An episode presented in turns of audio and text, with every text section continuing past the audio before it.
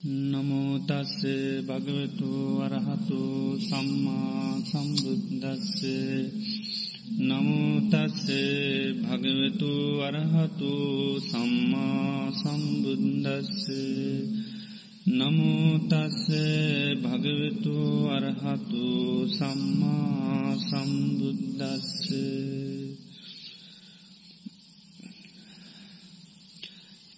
කිට්ටං වතායන් ලෝකෝ ආපන්නු ජායති ජීයති මීයති චවති උපපජ්ජතිච්ච අතතපන ඉමස්ස දුක්කස්ස නිස්සරණං නප්පජානාති ජරාමරණස්ස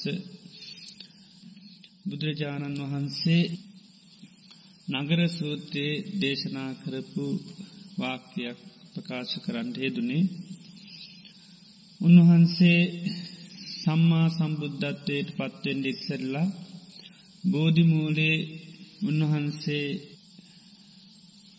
සම්මා සම්බුද්ධත්වය සඳහා ඒ භාවනා කරන වෙලාව උන්වහන්සේගේ හිතට ආපු සිතිවිල්ලක් තමයි ඒ ප්‍රකාශ කරේ.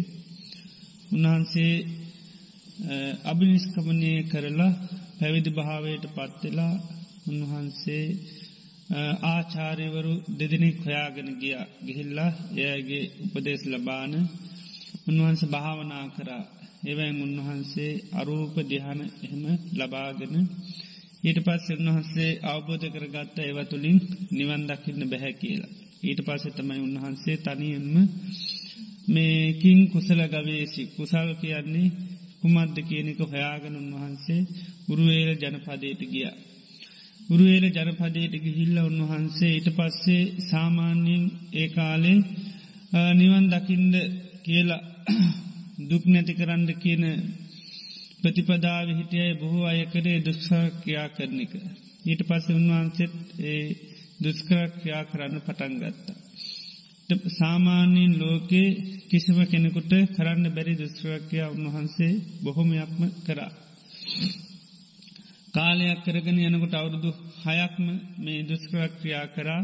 ඒ දුස්්‍රක්‍යා කිරීමතුළින් උන්වහන්සට අවබෝධනා ඒ තුළිමු සම්බෝධයට පත්වෙන්න බෑ. නිවන් අවබෝධ කරගන්න බැරි බව.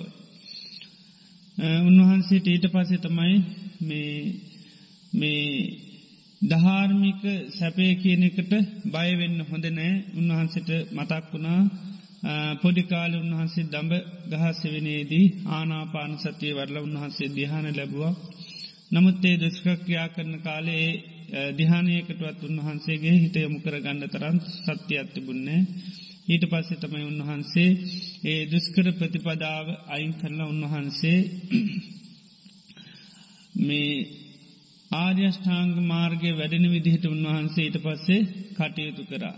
ඊට පස්ස උන්වහන්සේ මනස පිළිබඳව විමසම මේ මනස සමතයට පත් කරලා ඒ වගේම සිත එන විතර්ක යටපත් කරගෙන ඒ විදිට සමතය පස්සනා වැඩෙන විදිහට ආර්ය අෂ්ඨාංක මාර්ගය පුරුදුවෙන විදිහට උන්වහන්සේ කාලයක් කරගෙනවා.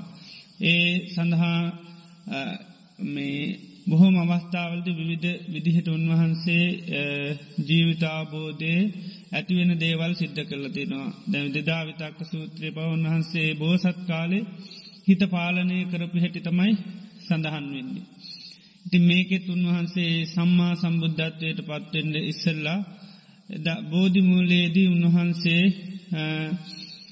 මාර පරාජය කරලා උන්වහන්සේ භාවනා කරනකොට උන්වහන්සේට අතීත ජීවිතහෙම බලනකොට ඒවගේම උන්වහන්සේ චුතුූපපාතඥානීන් සත්‍යයන්ගේ උපදින ඒ මැරණ ඒ ස්වභාවයන් දකිනකොට උන්වහන්සේට බොහෝම සංවේගයක් හිතට ඇති වුණා. කිච්චං වතායන් ලෝකෝ ආපන්නු මේ ලෝකයා මහත් වූ ව්‍යසනය කර දුකකට පත්වෙලා ඉන්නේ. ජායතිච උපදිනවා ජීයති දිරනවා මී ඇති මැරෙනවා. ඒ වගේ ආයමත් චුත වෙනවා ආයමත් උපතක් කරා යනවා. මෙන්න මේ දුකින් නිදහස්වීමක් පේනි නෑන මේ සත්‍යයන්ට කෙරවරක් නැතු ආයාය මේ උපදීම ජරාව මරණය කියන එකටම මේ චක්‍රයේ කැරකි කැරකි මේ සත්‍යයෝ මේ සංසාරය ගමන් කරනවා. මේ විදිහට මේ බව ගමනට මේ සසරට වැටිච්චි සත්‍යයන්ගේ නිස්සරණන් පඤ්ඥායිති නිදහස්වීමක් පේනෙ නෑ. එතොට උන්වහන්සේ කියනවා මේ උන්වහන්සේට අදහසක් වුණා මොකක් ඇතිකල්ලිද කුමක් හේතු කටගෙඩද මේ සත්‍යයන්ට මේ ජරාමරණ හටගන්න. කිම්මිකෝ සති ජරාමරණං හෝති කිම් පච්චයා ජරාමරණම්. කුමක් ඇතිකල්ලේ කුමක් ප්‍රත්තිය කරගෙනද මේ ජරාමරණ හටගන්නේ. උන්වහන්සේ දේශනා කරනවා තස්සමයිහම් බික්වේ යෝනිසෝ මනසිකාරා අහු පඥ්ඥායස් අභිසමයෝ. මහනිනි මම ඒ විදිහට නුවනින් කල්පනා කරනකොට මට ප්‍රඥාව පහළ වුණා. මේ ජරා මරණ හටගන්නේ ජාතියාකෝ සති ජරාමරණං හෝති. ජාතිපච්චයා ජරාමරණං. මේ ඉපදී මැතිකල්ලි තමයි මේ ජරාමරණ හතගන්න. තුට ජාතිපච්චයා ජරාමරණං ඉපදීම මුල්කරගෙනයි මේ ලෝක සත්‍යයාට මේ ජරාමරණ කියන දෙක හටගන්න. ඊට පස්ස ආයමත් උන්වහන්සේ විමසන්න පටන් ගත්තා. කුමක් හැතිකල්ලිද මේ ජාතිය කියනක හටගත්තේ. කුම ප්‍රත්තිය කරන ගෙනද මේ ජාතිය කියනක පවතින්නේ. ඊට පස්සේ උන්වහන්සේට යෝනිසෝ මනසිකාරය කිරීම තුළින් අවබෝධ වනා භවය ඇතිකල්ලී තමයි ජාතිය බවපච්චයා ජාති භවය හේතුකටගෙනයි ජාති හටගන්නේ. ඊට පස්සේ උන්වහන්සේ ආයමත් නුවනින් විමසන්න පටන් ගත්තා. මේ භවය කියන එක කුමක් ඇතිකල්ලි කුමක් හේතුකටගෙනද. ඊට පස්සේ උන්වහන්සේට ඒ යෝනිස මනස්කාරය යෙදෙනකොට අවබෝධ වනා උපාදානය ඇතිකල්ලි තමයි භවය උපාදානය හේතුකටගෙන තමයි මේ භවය හටගන්න. ඊට පස්සේ ආයමත් උන්වහන්සේ නුවනින් විමසන්න පටන්ගත්තා කුමක් ඇතිකල්ලිද මේ උපාදාන. කුම ප්‍රත්තිය කරගෙනද මේ උපාදාන පවතින්නේ. එතට උන්වහන්සේ ඒ යෝනිස මන්සිකාරය යෙදෙනකොට උන්වහන්සේ රාබුදනා තන්නහා පච්චයා උපාදානම් තන්නහාාව ඇතිකල්ලේ තන්නහා ප්‍රත්තිය කොටගෙනයි උපාදාන හටගන්නේ. එතවට ආයමත් විමසන්න පටන්ගත්ත උන්වහන්සේ කුමක් ඇතිකල්ලිද මේ තන්හාාව පවතින්නේ කුම ප්‍රත්තිය කොටගන්න මේ තන්නාව පවතින්නේ. එතකොට උන්වහන්සේ ඒ යෝනිස මනස්කාරය යෙදෙනකොට අවබෝධ වනා වේදනාව ඇතිකල්ලි තන්නාව පවතින්නේ වේදනාව ප්‍රත්තිය කරගෙනයි තන්නහව පවතින්නේ. ඊට පස්සේ ආයමත් උන්වහන් සිමසන්න පටන්ගත්තා. මේ වේදනාව කුමක් ඇතිකල්ලිද මේ වේදනාව පවතින්නේ. කුමක් හේතුකොටගෙන මේ වේදනාව හටගන්න. ඊට පස්සේ උන්වහන්සේ අර ආයමත් යෝනිසෝ මනසිකාරයේ දෙන්න පටන්ගත්. ඊට පස් උන්වහන්සේට ආබෝධනා ඉස්පර්ශය ඇතිකල්ලී වේදනාව හටගන්නේ ඉස්පර්ස පත්තියනුයි වේදනාව හටගන්න. ඊට පස් ආයමත් උන්වහන්සේ විමසන්න පටන්ගත්තා මේ ඉස්පර්ශය කුමක් ඇතිකල්ලිද කුමක් පවතිනකොරද මේ ඉස්පර්ශය පවතින්නේ කියලා. ඊට පස්සේ අර විදිහටම උන්වහන්සේ යෝනිසෝ මනසිකාරය යෙදෙනකොට අවබෝධනා සලායතන පච්චයා පස්සෝ සලායතන ඇතිකල්ලි සලායතනය මුල්කරගෙන තමයි මේ ඉස්පර්සය හටගන්නේ. ඉට පස්සේ ආයමත් උන්වහන්සේ විමසන් පටන්ගත්ත මේ සලායතන කුමක් ඇතිකල්ලි කුමක් හේතුකටගෙන සලායතන හටගන්න. ඊට පස්සේ උන්වහන්සේ ආයමත් අර විදිහටම යෝනිසෝ මනසකාරය දෙනකොට අවබෝධ වනා නාමරූප ඇතිකල්ලි සලායතන නාමරූප හේතුකොටගෙනයි මේ සලායතන හටගන්න. ඊට පස් ආයමත් බුදුරජාණන් බෝසතාණන් වහන්සේ විමසන්න පටන්ගත්තා මේ නාමරූප කුමක් ඇතිකල්ලි කුමක් හේතුකොටගෙරද නාමරූප හටගන්න. ඒ විදිේ ආයමත් යෝනිසෝ මනසිකාරය යෙදෙනකොට උන්වහන්සේට අවබෝධන විඤ්ඥානයකෝ සති නාමරූපං හෝති. විඤ්ඥානී ඇතිකල්ලි තමයි නාමරූප විඤ්ඥාන පච්චයා නාමරූපම් විඤ්ඥානයේ ප්‍රත්තියකොටගෙන තමයි නාමරූප හටගන්න. ඊට පස්සේ බෝසතාණන් වහන්සේ ආයමත් විමසන්න පටන්ගත්තා මේ විඤ්ඥානය කියන එක කුමක් ඇතිකල්ලිද විඤ්ඥානී පවතින්නේ. කුමක් හට ගැනීමෙන්ද විඤ්ඥානය හටගන්නේ. එහෙම විමසනකොට උන්වහන්සේට යෝනිසු මනස්කාරය යෙදෙනකොට අවබෝධ වනා නාමරූපයකෝ සති විඤ්ඥානං හෝති නාමරූප ඇතිකල්ලි තමයි විඤ්ඥානී. විඤ්ඥා ඊළඟට මේ නාමරූප හටගැනීමෙන් තමයි විඤ්ඥානය හටගන්න කියලා. ඉළඟට උන්වහන්සේට මේ අවබෝධ වනා අදහසක්කාව හිතට පච්චුතාවත් යුතුකෝ ඉදං විඤ්ඥානං නාමරූපා නාමරූපා න පරංගච්චති. උන්වහන්සේට අවබෝධ වනා මේ විඤ්ඥානි නාමරූපවලටමයි කැරකිලා යන්නේ. නාමරූපවලින් එහාට මේ විඤ්ඥානේ යන්නේ නෑ. එත්තාවතා ජායේතවා ජීවේතවා මීඒතවා චවේතවා උපද්ජේතවා යදිදන් නාමරූපපච්චයා විඤ්ඥානං. මෙපමණිකින්ම තමයි උපදින්නේ දිරන්නේ මැරෙන්නේ. ඒවගේ ආයමත් චුත්ත වෙලා ආයමත් උපතක් කරා යන්න මේ නාමරූප පත්තිය කොටගෙන විඤ්ඥානය විඤ්ඥානී පත්තිය කොටගෙන නාමරූප. නාමරූප පත්තිය කරගෙන සලායතන සලායතන ප්‍රත්තිය කොටගෙන ඉස්පර්ශය ඉස්පර්ශය පත්තිය කොටගෙන වේදනාව වේදනාව ප්‍රත්තිය කොටගෙන තන්හාාව තන්හාාව ප්‍රත්තිය කොටගෙන උපාදාන උපාදාන ප්‍රත්තිය කොටගෙන භවය භවය පත්තිය කොටගෙන ජාතිය ජාතිය හේතුකටගෙන ජරාමරණ සෝක පරිදේව දුකදෝමන සුපායාසයන් හටගන්නවා.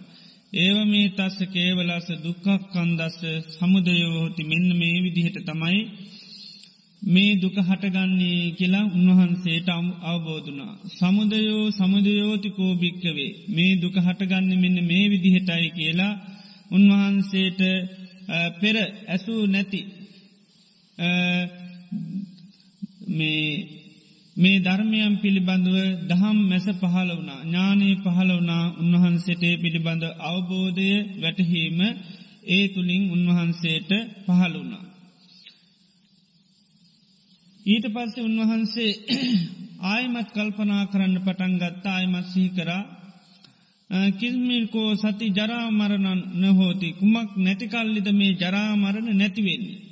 ඒ වගේම කිස්ස නිරෝධා කුමක් නිරෝධවීමෙන්ද මේ ජරාමරණ නිරෝධ වෙන්නේ. ඒ විදිහට උන්නා සීට පස මේ දුක නැතිවෙන ආකාරය උන්වහන්සේ නුවනිස් විමසාගෙන යන්න පටන්ගත්තා. ඊට පස්ස උන්වහන්සේට ඒ යෝනිසෝ මනසකාරය යෙදෙනකොට අවබෝධ වනා ජාතියාකෝ සති ජරාමරණං හෝති.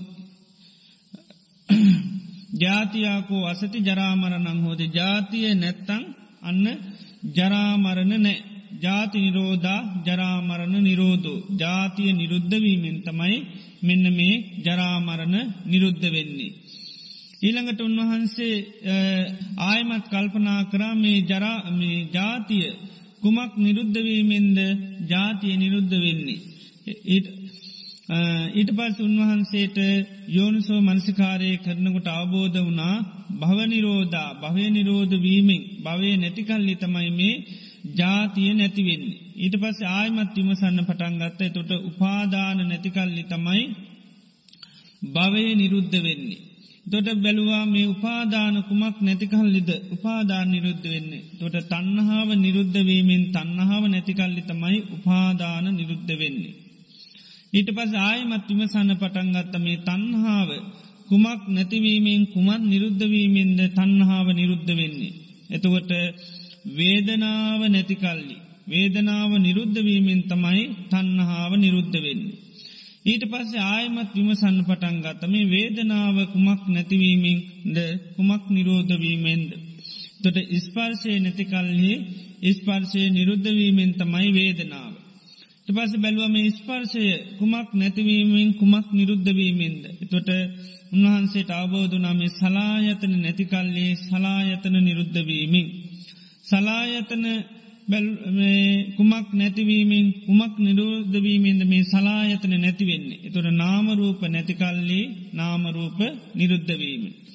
එතට ආයමත් විමසන්න පටන්ගත්ත මේ නාමරූප කුමක් නැතිකල්ලේ කුමන් නිරුද්ධවීමෙන්ද මේ නාමරූප නිරුද්ධ වෙන්නේ. ඊට පස් උන්වහන්සේට යෝන්සු මනස්කාරය යෙදෙනකොට අවබෝධනවා විඤ්ඥානී අසති විඤ්ඥානී නැතිකල්ලේ විඤ්ඥානී නිරෝධවීමෙන් තමයි මේ නාමරූප නිරෝධ වෙන්නේ. එතොට ආය බැලුව මේ විඤ්ඥානය කුමක් නිරුද්ධවීමෙන්ද. කුමක් නැතිවීමෙන්ද මේ විඤ්ඥානී නිරෝධ වෙන්නේ. එතොට උන්වහන්සේට අබෝධ වනා මේ යෝන්සෝ මනස්කාරය දෙනකොට නාමරූප නැතිකල්ලේ නාමරූප නිරුද්ධවීමෙන් තමයි විඤ්ඥානය නිරුද්ධ වෙන්නේ. එත ඊට පස් උන්වහන්සේට අදහසක් ඇති වුණා. අධිගතෝ කෝව මායම් මක්ගෝ බෝධාය අධිදන් නාමරූප නිරෝධා. මට දැම්මේ අවබෝධ වනා වැටහුණා මේ නාමරූප නිරුද්ධවීමෙන් තමයි විඤ්ඥානී නිරුද්ධ වෙන්නේ විඤ්ඥානී නිරුද්ධවීමෙන් තමයි නාමරූප නිරුද්ධ වෙන්නේ නාමරූප නිරෝධවීමෙන් සලායතන නිරුද්ධ වෙනවා සලායතන නිරෝධවීමෙන් ඉස්පර්ශය නිරුද්ධ වෙනවා ඉස්පර්ශය නිරුද්ධවීමෙන් වේදනාව නිරුද්ධ වෙනවා වේදනාව නිරුද්ධවීමෙන් තන්හාාව නිරුද්ධ වෙනවා. තන්හාාව නිරෝධවීමෙන් උපාදාන නිරුද්ධ වෙනවා. උපාදාන නිරුද්ධවීමෙන් භවය නිරුද්ධ වෙනවා. භවය නිරුද්ධවීමෙන් ජාති නිරෝධ වෙනවා. ජාතිය නිරුද්ධවීමෙන් ජරාමරණ සෝක පරිදේව දුක්කදෝ මනසුපායාසා කියන සියලූම දුක් නිරුද්ධ වෙනවා. මේ විදියට සියලූම දුක්යන්ගේ නිරෝධයට පත්වෙනවා. නිරෝධෝ නිරෝධෝතිකෝ භික්කවේ පුබ්බේ අනනුසුතේසු දම්මේසු. මේ දුක නිරුද්ධ වනාය කියන මේ පෙර නුවැසු මේ ඥානය උන්වහන්සේට පහළුණ. ඒවගේම විද්‍යාව ආලෝකෙ පහළුණා කියල උන්වහන්සේ දේශනාකොට වදාලා. ඊට පස උන්වහන්සේ දේශනා කරාමේ උන්වහන්සේට ඇතිවුණු අවබෝධය උපමාවකින් පෙන්නනවා එත්තරා මනුස්සෙක් මහා කැලයක් මැදි යනවා. මහා කැලයක් මැදී යනකට පොඩි අඩපා අඩිපාරක් අහුවෙනවා. ඊට පස්ස මෙයා කරන්න මේ අඩිපාර දිගේ යනු. අඩිපාර දිගේ යනකොට කැලේ ඇතුළට යනකොට පේනවා ඉතාමත්ම පුරාණ නගරයක් පේනු. පෙර මිනිස්සු විසින් වාසය කරපු පුරාණ නගරයක් පේනවා. ඒකේ ඒ ඉස්සර පරිහරණය කරපු පොකුණු ඒ වගේම ගොඩ නැගිලියාදී උයන් හැම දෙයක්ම මේ නටබුම් පේනවා. ඊට පස්ස මේ මනුස්සයා මිනිස්වාසයට ඇවිල්ලා මේ අන් අයට රජවරුන්ට අයට මේ ගැන මතක් කරනවා. මම මේ විදිහේ මේ කැලේ යනකොට මේ පරණ පාරක් අහුන ඒක දිගේ යනකොට මෙහෙම පරණ රාජධහනයක් අහුුණා හම්මුණා මෙන්න මේක නැවත අපි ගොඩනගල ඒ පරණ තත්ත්වයටම අපි පත්කරම කියලා ඊට පස්සේ ඒ රජවරු උපයෝගි කරගෙන අර පරණ තාලෙටම ඒ නගරය පසුකාලන ආයමත් නිර්මාණය කරන ඊට පස්සේ ඉතාමත්ම සමුෘද්ධිමත් නගරයක් මිනිස්සුන්ගෙන් ගැවිසිච්චි නගරයක් බවට පත්වෙනවා. අන්න ඒ වගේ උන්වහන්සේ දේශනා කරනවා ඒව මේවකෝ භික්කවේ අදසම් පුරාණ මක්ගම් පුරාණ ලංජසම් පුබ්බකෙහි සම්මා සම්බුද්ධයෙහි අනුයාතම් පෙර සම්මා සම්බුදුරජාණන් වහන්සේලා වැඩිය පෙර බුදුරජාණන් වහන්සේලා ගමංකරපු ඒ පුරාණ මාර්ගයක් උන්වහන්සේටත් මුණ ගැහුණ කිව්වා. ඊට පස්සේ උන්වහන්ස මේ පුරාණ මාර්ගය ඔස්සේ උන්වහන්සේ වැඩිය මේ පුරාණ මාර්ගය තමයි ආර්යෂ්ඨාංක මාර්ගයේ. ඒ ආර්යෂ්ඨාංක මාර්ගයේ ගමන් කරනකොට තමයි උන්වහන්සේට අවබෝධ වනේ මේ ජරාමරණ ඒ වගේම ජරාමරණ නිරෝධ කරන ආකාරය ඒ වගේම ජරාමරණ හටගන්නකමේ ඒ වගේම ජරාමරණ නැති කරනකමේ උන්වහන්සේට මේ ආර්යෂ්ඨාංක මාර්ගයේ ගමන් කරනකොට තමයි මුණ ගැහුණේ කියලා උන්වහන්සේ දේශනා කරා. ඒ විදිහට මේ පටිසම්පාදේ හතරාකාරයට මේ එකුළහාම අංග උන්වහන්සේට මුණගැහුණකි නොමේ ආර්යෂ්ඨාංක මාර්ගයේ ගමන් කරනකොට ඊට පස්සතමයි උන්වහන්සේ මේ සම්මා සම්බුද්ධත්වයට පත්තුලා ඊට පස්සේ මේ හොයාගත්ත ඒ අවබෝධය උන්වහන්සේ විශ්ව භිශ්වනී පාසුක් පාසිකා සිව්වන පිරිසට දේශනා කරා. ඊට පස්සේ ඒ උන්වහන්සේ හොයාගත්තේ ශාසන බ්‍රහ්මචරියාව උන්වහන්සේ දේශනා කරන දැම්මේ ශාසන බ්‍රහ්මචරයා ඉතාමත්ම පුළුල් බොහෝ දිව්‍ය මනුස්්‍යයන් අතර ප්‍රසිද්ධ භාවයට පත්වනා කියලා උන්වහන්සේ දේශනා කරා. එතවට මේ නගර සූත්‍රයේද උන්වහන්සේ තමන් වහන්සේ මේ ලෝකයේ වැහි තිබුණු ඒ යථාර්ථය කියනක අවබෝධ කරගත්ත ආකාරය තමයි මේ නගර සූත්‍රයේදී සඳහන් වෙන්නේ. දැන් අපි කෙටියෙන් මේ පඩ සම්පාදය කරුණු ටිකක් අපි සාකච්ඡා කරමු. පළමුම උන්වහන්සේ දේශනා කරන්න මේ ලෝක සත්‍යයා මහත් ව්‍යසනයකට විපතකට පත්වෙලා තියෙන තමයි මේ නැවත නැවත ඉපදීම ජරාව මරණය ශෝක පරිදේව දුක්දුම්න සාදී මහා විපතකට මේ සත්‍යයන් වැටිල ඉන්නවා.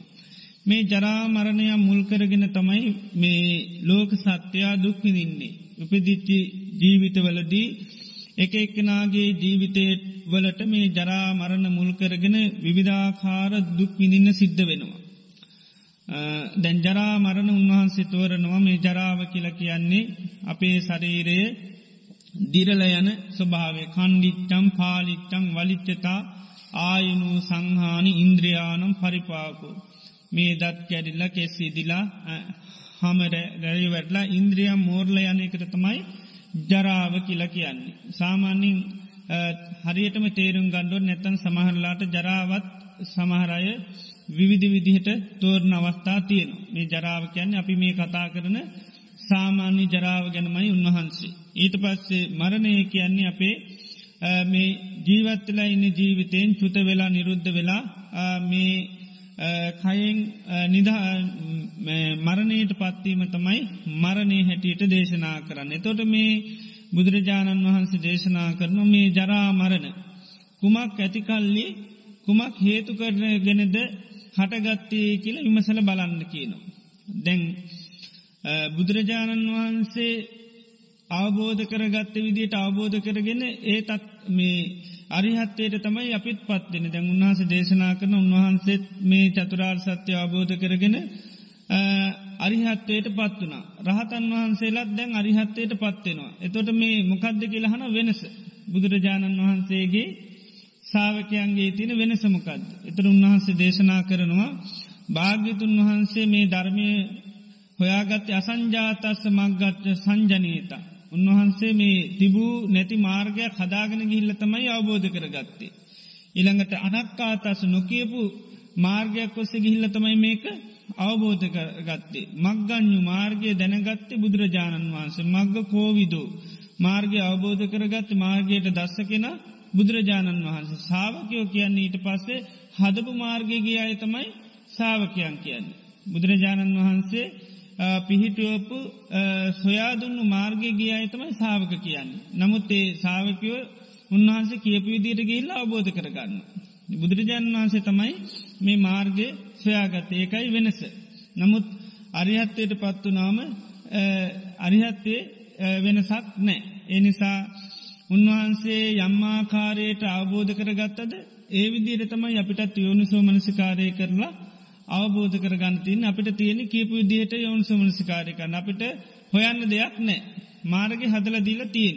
අපිට මාර්ග හදාගෙන යනවා කිල්ල එකක් නැහැ අපිට තියෙන කියපු විදිහට අන්න නුවනේ විමසන්න. ඇයි හුමක් ඇති කල්ලිද? හුමක් හේතු කොට කෙරෙත මේ ජරාව හටගන්න. එතොට බුදුරන් වන්ස මාර්ග හදලන තියන් එතට අපිට තියන් ඒ කියපු මාර්ගයොස්සේම අන්න යෝනිසෝ මනසිකාරය යෙදෙන්. එතෝට බුදුරජාණන් වහන්ස දේශනා කරන්න මේ ජරාමරණ හටගන්නේ කුමක් නිසාද? ඉපදිච්චි නිසා. ජාතිපච්චයා ඉපදීම ඇතිකල්ලේ ඉපදීම හේතුකටගෙන තමයි මේ ජරාව මරණය කියන එක හටගන්න. එතොට මේ ලෝකෙ මිනිස්සු උපදින ආකාර හතරත්තියෙන්. අන්ඩජ ජලාබුජ සංසේජද ඕපපාතික කියලා.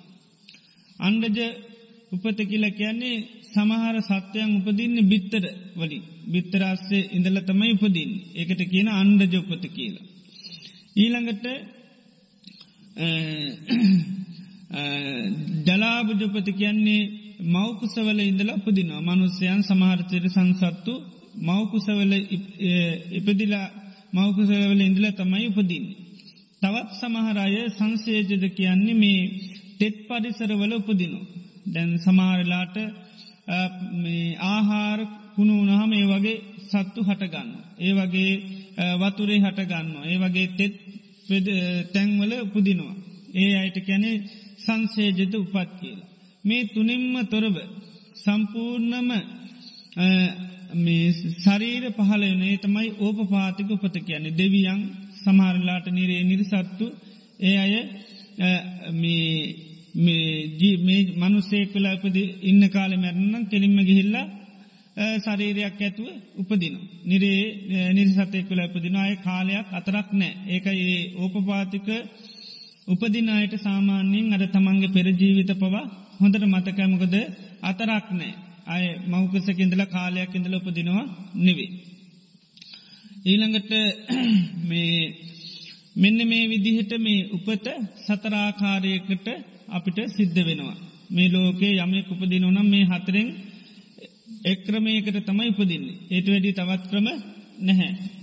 හැමෝම මේ ක්‍රම හතරෙන් තමයි ලෝකයේ මනුස්සයෝ සත්වය උපදිනවා කියනවනම් මේ හතර ක්‍රමයට තමයි උපදින්. ඊට පස්සේ විමසල බලන්න කියනවා දැම් මේ ඉපදීම කුමක් ඇතිකල්ලිද කුමක් හේතු කරගෙන උපදින්නේ කියල නෝනින් උසන්න කියන. මේ ඉපදීමට හේතුව කුමත්. එතොට මේ ඉපදීමට හේතුව තමයි බවපච්චයා ජාති භවය ඇතිකල්ලි භවය හේතුකටගෙන තමයි උපදින්නේ. දැම් භවය කියන එක බුදුරජාණන් වහන්සේ තෝරනවා භවය කියලක් ආනන්ද ස්වාමීන් වහන්සේ හනුව ඇවිල්ල දවසක් ස්වාමීනිමේ භවය භවය කියල කියන මොකක්ද මේ භවය කියල කියන්න. එතෝට බුදුරජාණන් වහන්සේ දේශනා කරනවා කාමධාතු වේපක්කංචහනන්ද කම්මන් නාභවිස්සති අපනිකෝ කාම බවෝ පඤ්ඥායත.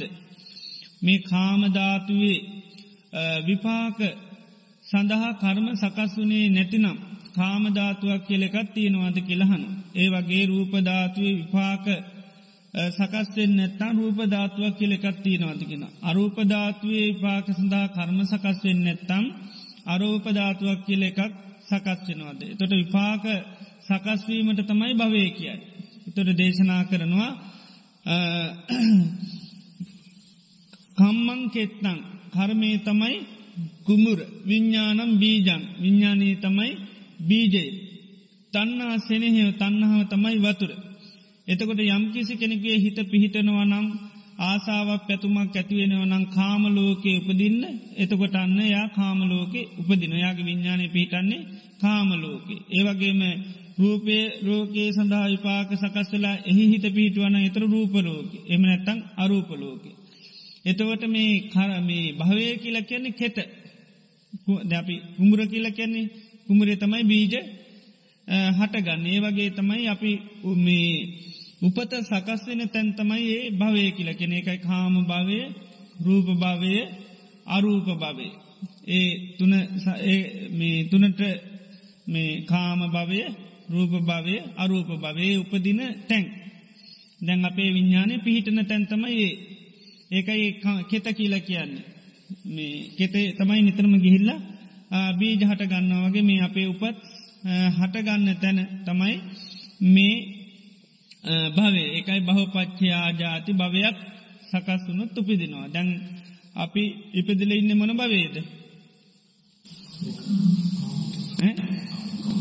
කාම බයි රුබයි නෙවේ කාම භවයේ තමයි අපි උපදිල තියෙනෙ තොට කාම භවේ තමයි මේ ඇසකණනාසය දිවසරයක ඉන්ද්‍රියම් පිනුවන තැන් ඉන්ද්‍රයන් පිනවන්ඩයි ඉන්ද්‍රයන් වලින් විඳවන්ඩයි තියන්නේ තැන්න. මේ එතවට ඒ කාම භවේ හටගත් යන්න භව භවේ සකස්වීම තුළ තමයි දැන් අපි මේ කාම භවේ ඉපදිල තියෙන ද මේ ජීවිතය ඉඳල දැන් ආය අපි අරූපදිහාන රූපදිහාන උපදලා ඒ යන්න හිත පීටුව ඊට පස්ස අපේ හැදෙන භවේ තමයි අරූප භවේ. ඒ විදි ඒම නැත්තන් රූප භවේ. මේ විදියට මේ අපේ උපත සඳහා සකස්වෙන හෙතට තමයි මේ භවය කියල කියන්න. එ මතකතියාගන්න පුළම කෙත කියල මතාතියාගත්තාම හරි. භවය කියන්නේ උපදින කෙත. එත කෙත හැදුනහ මොකද වෙන්නේ පැළවෙනවා නැති. නේද වතුරු වැටිච්චිකම් පැලෙන. කෙතක් නැත්නං මේ කෙත හැදෙන් නැත්තම් වතුර නැත්තන් තම යන්න පැලනොවී තිී. එතුවට මේ ඊළඟට නුවනි විමසන්න කියනවා කුමක් ඇතිකල්ලිද කුමක් හේතුකට ගෙනද මේ භවය කියන එක හටගන්න. කුමද්ද මේ භවයට හේතුව. නුවනින් විමසන්ද කියනවා. එතොට උන්වහන්සේ දේශනා කරන මේ භවයට හේතුව තමයි උපාදාන පච්චයා බහු උපාදානය ඇතිකල්ලි උපාදාන හේතුකට ගෙන තමයි භවය හටගන්න. එතකොට උපාදාන හතරත් දේශනා කරලා තියෙන. කාම උපාදාන ඊළඟට දිට්ටි උපාදාන ඊළඟට සීලබ්බත උපාදාන ඊළඟට අත්තවාද උපාදාන උපාදානතකොට හතරත්තියෙන. කාම උපාදානය කැනෙ කාමයට අපේ හිත බැඳිලයනවා. උපාදානය කියන්නේ බැඳිල යනවා කියනකයි. අල්ල ගන්නවා කියන අර්ථ ගන්න හොඳනමකද තොට කෙනෙකින්ගේ කතෘත්වයක් වගේ දැම් බුදුරජාණන් වන්ස කෙන්නේ බැඳිල යනවා හිත. හිත බැඳිල යන්නමකද රූප සද්ද ගන්ධ රස ස්පර්ස කියන කාම ගුණයට අපේ හිත බැඳිලයනවා. ඒ බැඳිලගේ පුහා මේ ඔස්සමකක්ද සිද්ධ වෙන්නේ.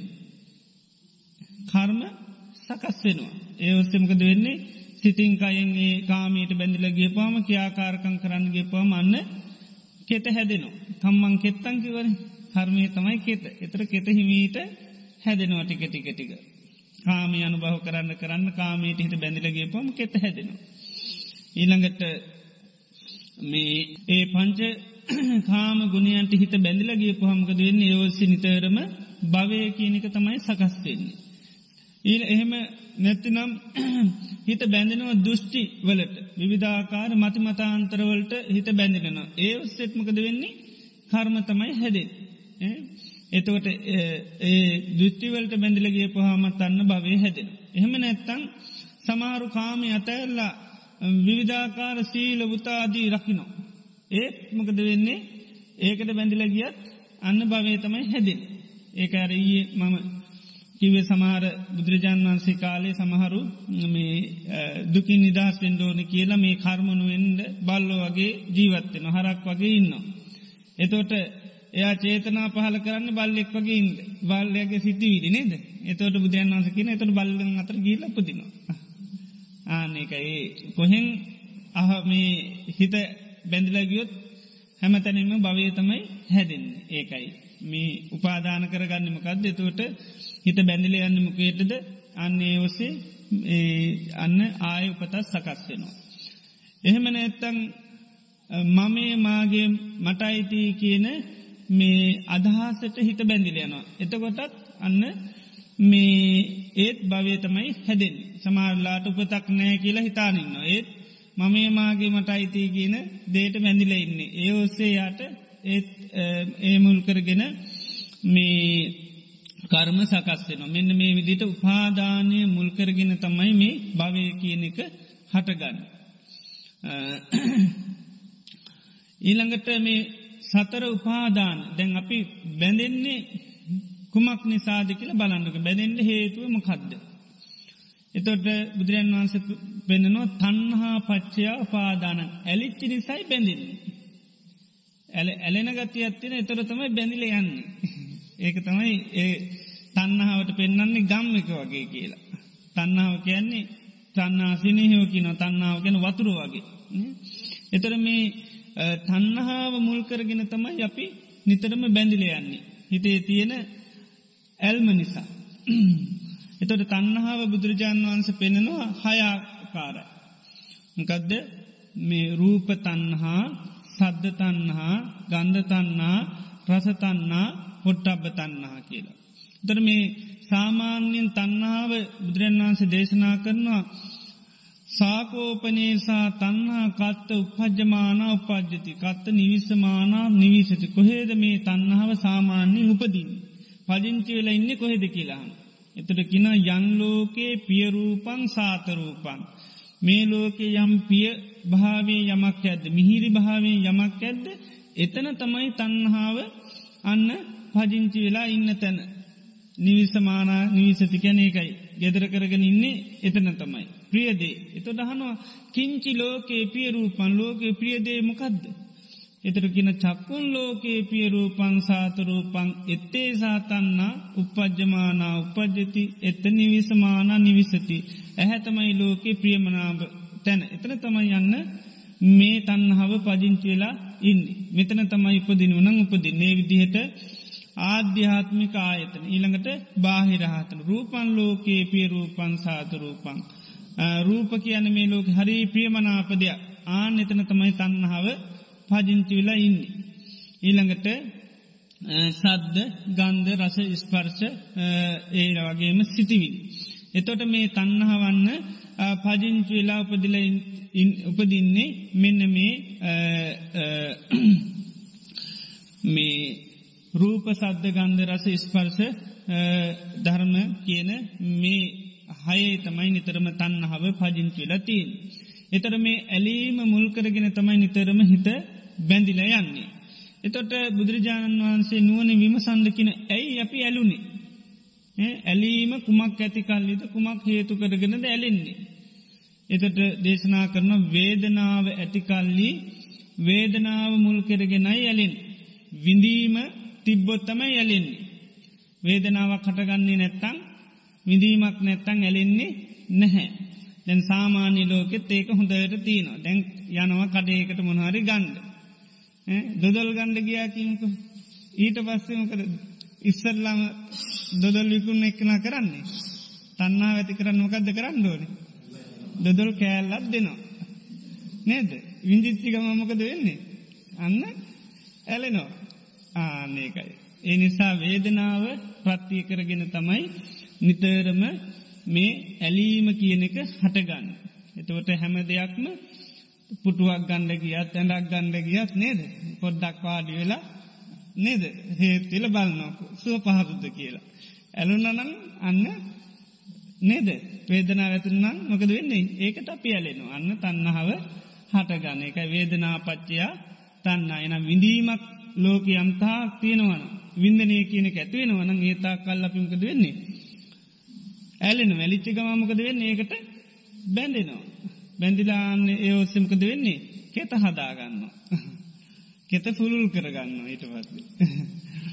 ඒ ළඟට දැන් බලන්ද කියන නුවනින් විමසලා මේ විඳී මැතිවෙන්නේ මොකක්ද හේතුව විඳී මැතිවෙන්න හේතුව මොකක්ද. කුමක් ඇතිකල්ලිද විඳීම හටගන්න. එතවට දේශනා කරනවා පස්ස පච්චයා වේදනා. ස්පර්සය ඇතිකල්ලි තමයි නිතරම වේදනාව හටගන්නේ. එතට ස්පර්ශය කියලා කියන්නේ මොකක්ද. ස්පර්ශය කියලා කියන්නේ තින්නං සංගති පස්සු තුනක එකතුවට තමයි ස්පර්ශය කියලා කියන්න. කරුණු තුනක එකතුවීමක් වෙනවා එකතුවීමට තමයි පස්ස කියලා කියන්න. තින්නං සංගති පස්සු. ඉල්ළඟට ඒ තමයි ඇහැයි රූපයයි හිතයි එකතු වෙන්ඩෝන් ඒ එකතුවීමට තමයි ඉස්පර්ශය කියලා කියන්න. කන්නයි සද්ධයයි හිතයි එකතුවීමට කියනවා ඉස්පර්ශය කියලා. ඊළඟට නාසයයි ගඳ සුවන්දයි හිතයි එකතුවීමට ස්පර්ශය කියන. ඊළඟට දිවයි රසයි සිතයි එකතුවීමට ස්පර්ශය කියන. කයයි පහසයි සිතයි එකතුවීමට ස්පර්ශය කියන. ඊළඟට නාසයයි ගඳ සුවන්දයි සිතයි එකතුවීමට ස්පර්ශය කියනවා. මේ එකතුවීමක් උනොත්තමයි විඳීමක් කටගන්න. දැන් අපි නිදාගනින්න කවරු ඇරි කියනල්ල සීනි බෝලයක් තියන කටේ. දැනෙනවද. විඳීමක් ඇතිනවද. නෑන ඇහැරෙනවා දැංහිමීට එතකටමක දෙන්නේ.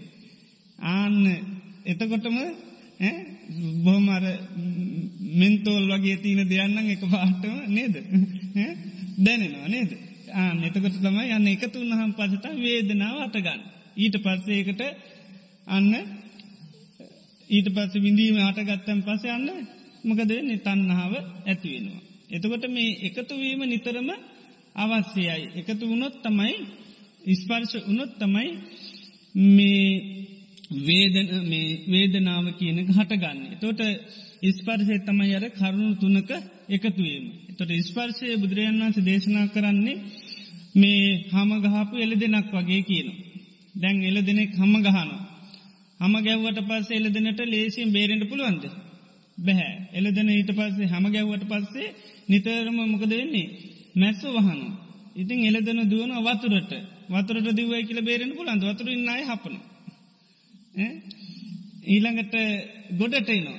ගොඩට අවපස් ඒත් ගහක් ළඟට ගිල්ල හේත්තුනක්. එතට ගහ ඉන්න අයත් හපනවා. එතොට ඉස්පර්සය තේ වගේ කියන ලේසියෙන් ගැලවෙඩ පුලංකමක් නෑ නිතරම ඉස්පර්ස වෙනවන නේද. නිතර ඉස්පර්සය කියනක තින ස්පර්ස වෙන්ඩ වෙන්ඩමකද වෙන්නේ. වේදනාව කියනක හටගන්න. වේදනාව හටගන්න හටගන්න තන්නාව හටගන්න. එතකොට මේ ඉස්පර්ශය කියන එක බුදුරජාණන් වහන්සේ දේශනා කරන මේ ඉස්පර්ශය කුමක් ඇතිකල්ලිද කුමක් හේතුකොට ගෙනද ස්පර්ශ වෙන්නේ.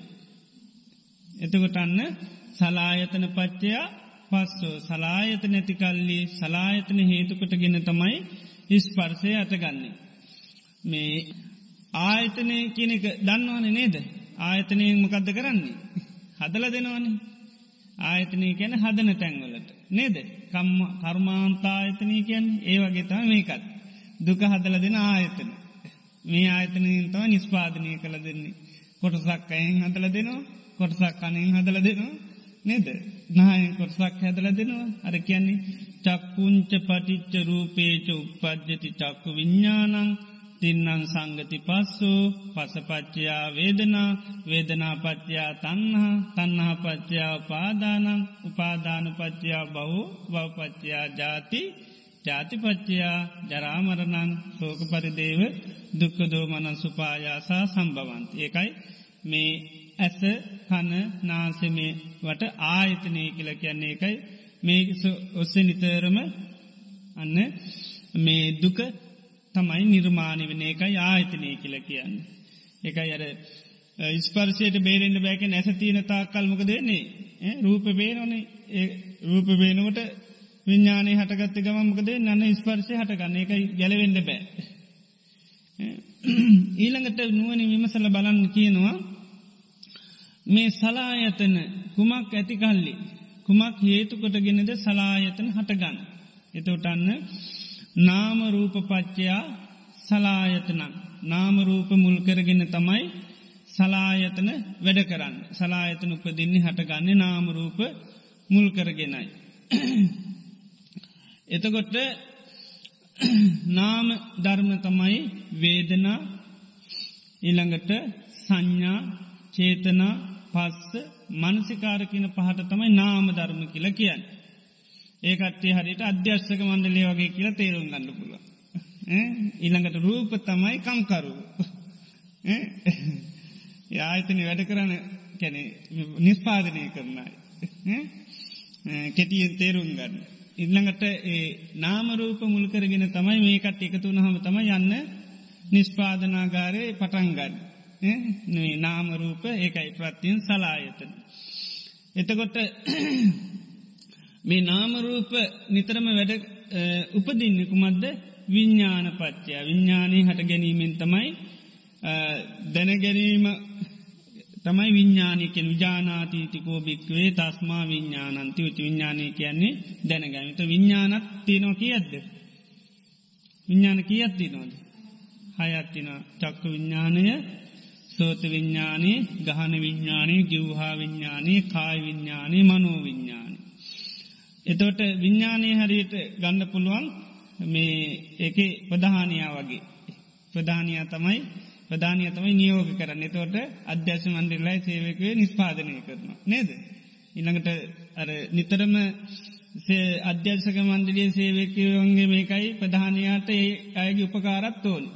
ඊළඟට ප්‍රධානයාගේ සම්බන්ධතාව අරයටත් තියෙන්න්නොට දෙදගොල්ල නිතරම ඒකතු වෙලා ඒකයි කියැනෙ නාමරූප ප්‍රත්තිය විඤ්ඥානය හටගන්නවා විඤ්ඥාන ප්‍රත්තියේ නාමරූප හටගන්න මේ දෙගල් එකතු එන්නො නිතරම නේද. ඒ එකතුවීමත් එක තම යන්න සලායතන හටගෙන ඊට පස්සේ ඉස්පර්ස වේදනා ඒවා හැදිල යන්න. එතවට බුදුරජාණන් වහන්ස සැරියුත් මහරත්තන් වහන්සේක දේශනයක පෙන්නවා මේ නාමරූප විඤ්ඥානය කැන්නේ බටමිටි දෙකක් මිටි දෙකක් හේතු කරා වගේ කියෙන. එක බටමිටියන්නේ සානිත්‍යක තියෙනවා අනිත් බටමිටිය නිසා හේතු ඉළඟට මේ අනිත් එක තියෙන. ඒවගේ තමයි මේ විඤ්ඥාන ප්‍රත්තියන්තමයි නිතරම නාමරූප හටගන්න. නාමරූප පත්තියෙන් තමයි නිතරම විඤ්ඥානය හටගන්න. තේ අරමංකිවේ සමාරලාට සේවක අධ්‍යශක මණ්ඩලය නිතරම ප්‍රධානයගෙන් උපදේශ ගන්න.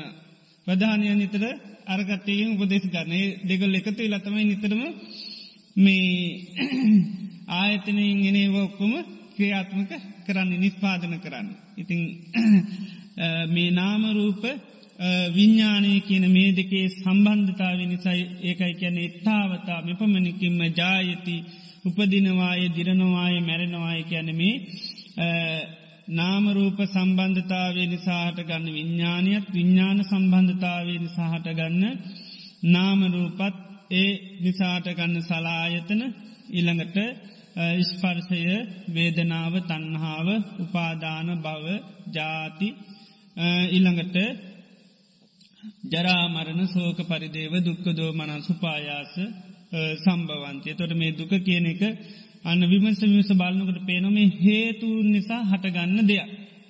එක් හේතු උපකාර කරගන හටගන්න දෙයක් හැටියට අන්න තමන්ට අවබෝධ කරගන්න පුළුවන් නුවනින් විමසනකොට දැම් පාර කියලතින් අපිට තියෙන විමසන්.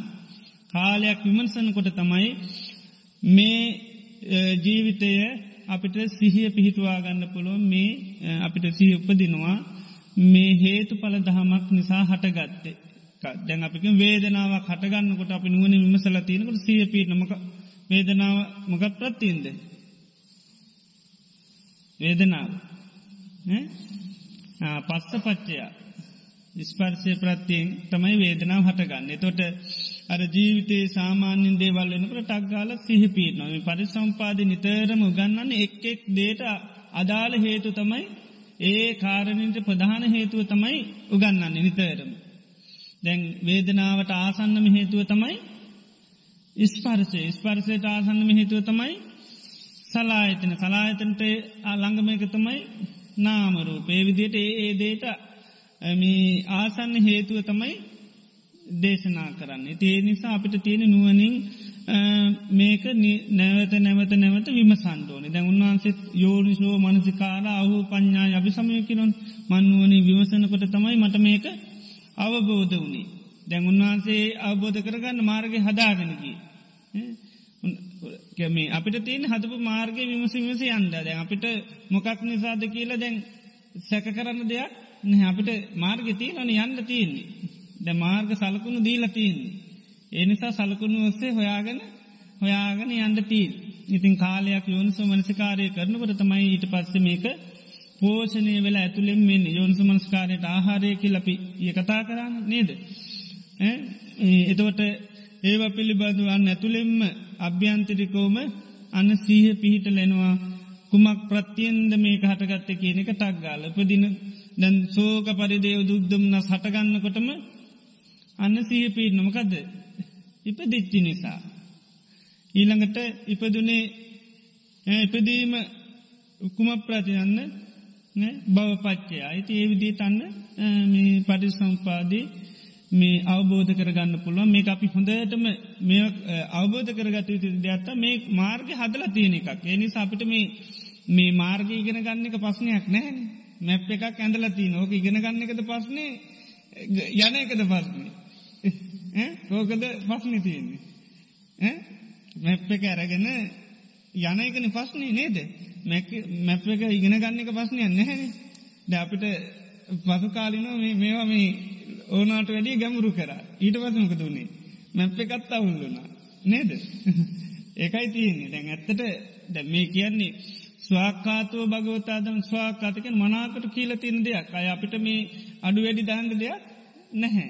ධර්මය ස්වාකාතය හොඳට කියීල තියෙන දෙයක්. අපිට තියෙන ස්වාකාත ධර්මී මේ ඉගෙනගෙන යන්න යන එක තමයි හැබැයි අපහසු. මේක සීහ පීටවාගෙන විවසන්න තමයි අමාරු. ඉතින් බලයගත්තු සිහියක් අවශ්‍යයි මේ සඳහා. ඉති ඒක තමයි උපදවාගන්න අමාරු යන්න තමයි අමාරු. දැ මේවා විමසන්ඩ ගියොත් වෙන තියන විමසන යන්න නේද. පරිසු සම්පාද දුකාද ගන්න හදන එකක් ඊට පස විමසන්ඩ පුලුවන් සමාරලාට කිය ලෙමන වෙන්නේ නේද. මොකක්කරි පරණ සිද්ධිකට ගීගම අයි පරිසම්පාදය කදනවා. දැන් අපිට වෙන්නේ ඒකයි විමසගොත්තේම නේද. ඒ වගේ දෙයක් වෙන්න ඉතින් එතකොට හොඳට තේරුම් ගත යුතු දෙයක් තමයි මේ බුදුරජාණන් වහන්සේ මාර්ගගේ සාවක කියන්නේ එකන අපිට හදන්ඩ දෙයක් නැහැ. අපිට තියෙන කියපු විදිහට යන්න යන්න තමයි ඇත්තට මපහසු යනකොට තමයි බාධා තියෙන්. යනකොට තමයි කඳු වලවල් ඔක්කොම අහු වෙන්නේ නේද. මාර්ගයේ කියල දිල තින කියන මාර්ගෝසේ යනකොට ටිකක් අපහසුතා එන්න පුළුවන් සිය පීටුව ගන්න අමාරුයි මේක නමුත් අපිට මේ මාර්ගයකනක බොහොම පොකටව කියල දිල තිනක අපිට තියනේ විදිහට විමස විමස මේ ආහාරයන්න දැන් නිතරම මේ පිළිබඳව ගන්න නිතරතම පෝෂණය වලෙන්නේ. එතකට තමයි මේ එකින් එක එකින් එක ස්ටක්ගාල ඒව හට ගන්නකොට හේතු දන්න. ඒකයි දැන් සෝතාපන්න වනාට පස්සේ මේ බාහිර ඇදහිලිවලට බාහිර සාතරුරු විශාස කරන්න යන්න එකන්නේ එකමක දෙකටි දන්නවා සෝතාපන්න වෙනකොටම මේ පටිච සම්පාදය අවබෝධ කරගන්න. අර පංච බයවේර සූත්‍රී දේශනා කරන්න බයවෛර ඇතිවෙන පහක් සංසධනය තමයි මේ පංච සීලයේ සම්බන්ධයක නිතනම් බයවෛර ඇති කරනවා ඒකත් නැතිවෙන. ඊළඟට බුදුරජාණන් වහන්සේ කරේ ධර්මරත්න කරේ ආරය කාන්ත සීලේ පිළිබඳුව පීටීමකට එයා පත්වෙන. ඊළඟට තමයි ආරය ආර්ය න්‍යාය එයා අවබෝධ කරගන්න මේක තමයි ආරි න්‍යාය. මේකට අවබෝධ කර ගන්න තව ක්‍රමවේදයක් කියල දෙනවා. සීකරනේ තමයි ඉමස්මින් සති ඉදං හෝති. මේ ඇත කැල්ලි මේ වේ ඉමස්ස ඉමස්ස සති ඉදං හෝති ඉමස්ස නිරෝධා ඉදන් නිරුද්ධ මේ නිරුද්ධවීම මේ නිරුද්ධ වේ. ඒ විදියට මේ ආරණයාය බලන්න ක්‍රමයක් තියෙන. එතමයි අර අවිද්‍යාව ඇතිකල්ලි සංස්කාරවේ. සංස්කාර ඇතිකල්ලි විඤ්ඥානයේ විදියට අන්න නිතරම නුවනින් විමස විමස බලන්ටකෙන ඒ ආරණයාය සෝතාපන්න වෙනකොට අවබෝධ වෙන. ඒකයි සෝතාපන්න කෙනා දුක්කරදර පස්සන එනකොට වෙනත් අය කරා යන්න ඇත්ති. එය දන්න හටගන්න කොහොමුද කියලා. ඇ දුක හටගන්නක දන්නවන දුට හටගන්න කරමේ දන්න නිරුද්ධ කරන්න තියෙන කරම එයා දන්න දුක නිරෝධී. ඉති ඒ නිසා තමයි අර බාහිර ඇදහිලි ඒවට සෝතාපන්නා යන්නේ කියන දැන් ජීවිතයට දුක්කරදර බාධයනකට සෝතාපන්නයි දන්න මොකක්ද කියලා. දැම් වේදනාව කටගන්නට මොකක්ද කියලා දන්න හේතු. පස්ස පච්චයා. ස්පර්ශ වෙච්චි නිසා එත ස්පර්ශමක සලාතන ඇස් තිනක විඳවන්න තීර කියල දන්න ඉති ඒකයි. ආයතන හදාගර තියනවන ඉතින් නේද හදල දෙනවා ආයතන ඒකයි. එති ඒ පිළිබඳ ඒකයි සෝතාපන්න වෙනකොට ඒ අවබෝධය ඒ අයට තියනු. තියනිසා අපි සීහ පිහිටවාගෙන පුළුවන් තරම් මේ කියපු මාර්ගය ඔස්සේ එකම උන්වහන්සෙත් කරලතිනේ අව මේ යෝනිසෝ මනසිකාර අහු පඥා යබි සව යෝනිසෝ මනසිකාරය කිරීමෙන් පහළුණා. ඉති උන්නාස විමසම යනකට තමයි අන්න අර පරණ පාර මේ ඒ පුරාණ රාජධානය හොයාගන්න පුළන්ගුණේ ගමන් කරන තේ සඳහා ආර්යෂ්ඨාංක මාර්ගය තමයි උන්නාසේ ගමන් කර. ඒ නිසා මේ අපිටත් මේ ආර්ය මාර්ගය ගමන් කරමි මේ ජීවිතාබෝධය ඇති කරගන්න පුළන් ඒකට ප්‍රධානවම අපි ඇතිකර ගත යුතු දේ තමයි මේ සිහිය. සිහිය දියුණු කරගන්න ඒකායන මාර්ග සිහින සිහ නැතුව මුකුත් කරන්න බෑ සීහට කියන මොකක් වගේද ලුණු වගේ කියලා. ලුණු නැතුව බෑන කෑම මුකුත් අනු තුන පහ අඩු වැඩි වුණාට පස්නය නැහැනේද. හැබැයි ලුණු ඕනි සාමාන්‍ය පොඩ්ඩක් හරි නේද ලංකායකමෙත්න ලුණු නැතුව බෑ. දත්තන ඔන්නන් දෙනවත් දන්න.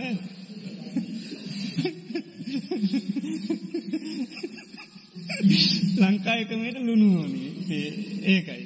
ඉස්සර ඉන්දියාවකමටත් ලුණු කැන්නර දැන් බොජ්ජංග කියනකොට කියන සමාර බොජ්ජංග එක එක වෙලාවලදි අඩු වැඩි වෙන. දැ හිත හීන අවස්ථා තියෙනු. ගැන නිදිගත් අවස්ථා තොට සමහර බොජ්ජංගවලින් තමයි හිත ගන්න උළුප්පල. උඩට ගන්න. සමහරවෙලා හිත වැඩියෙන් ගිල්ල නොසංසුන්ගල එතවට සම අනිත් බජ්ජන් කරල පාලනය කරලා ගන්න සංසුන් කරලා. ඇබැයි සතිකෝ වහම්බික්කේ සබ්බත්තිකං වදාසීය ඒ ඔක්කෝටම ඕනි.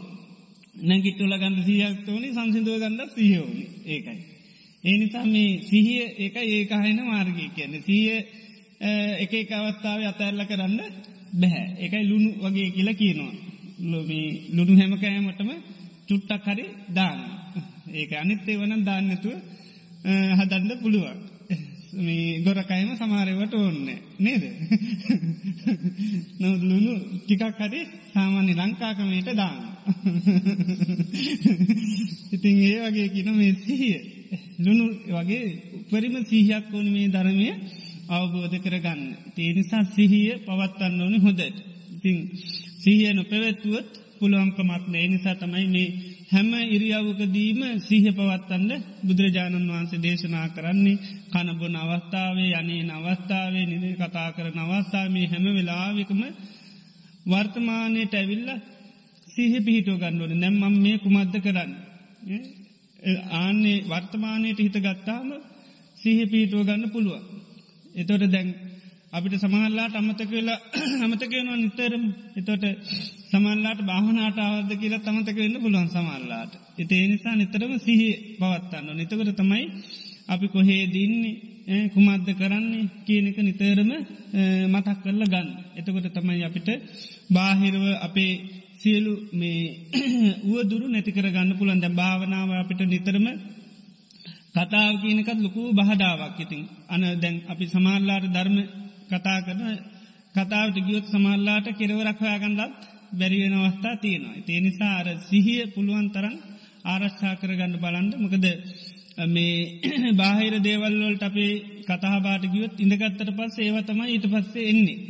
විනිශ්චය කරනවා ඊට පස්සේ ඒ සාමාන්‍ය හිතේ ස්වභාව. එනිසා පුළුවන් තරන් අර නිස්සද්ධතාවයකන ආර්ය නිස්සද්ධතා බුදුරන් වන්සකෙන එක තුන්න පුළුවන් තරන් දෙකක් කරන්නට කෙනෙ කරබනින්ද එක්කෝ එම නැත්තන් මේ මේ කැනෙ ධාර්මික කතාවක් කරගන්න කෙන. කරභාගනින්වා කියන්නේ භාවනාවක යෙදී වාසය කරන්න කියලා. ඒතවට තමයි ඒ සිහිය දියුණු කරගත් හම තමයි මේ අපේ ජීවිතේ අවබෝධ කරගන්න පුළුවන්කම ලැබෙන්නේ.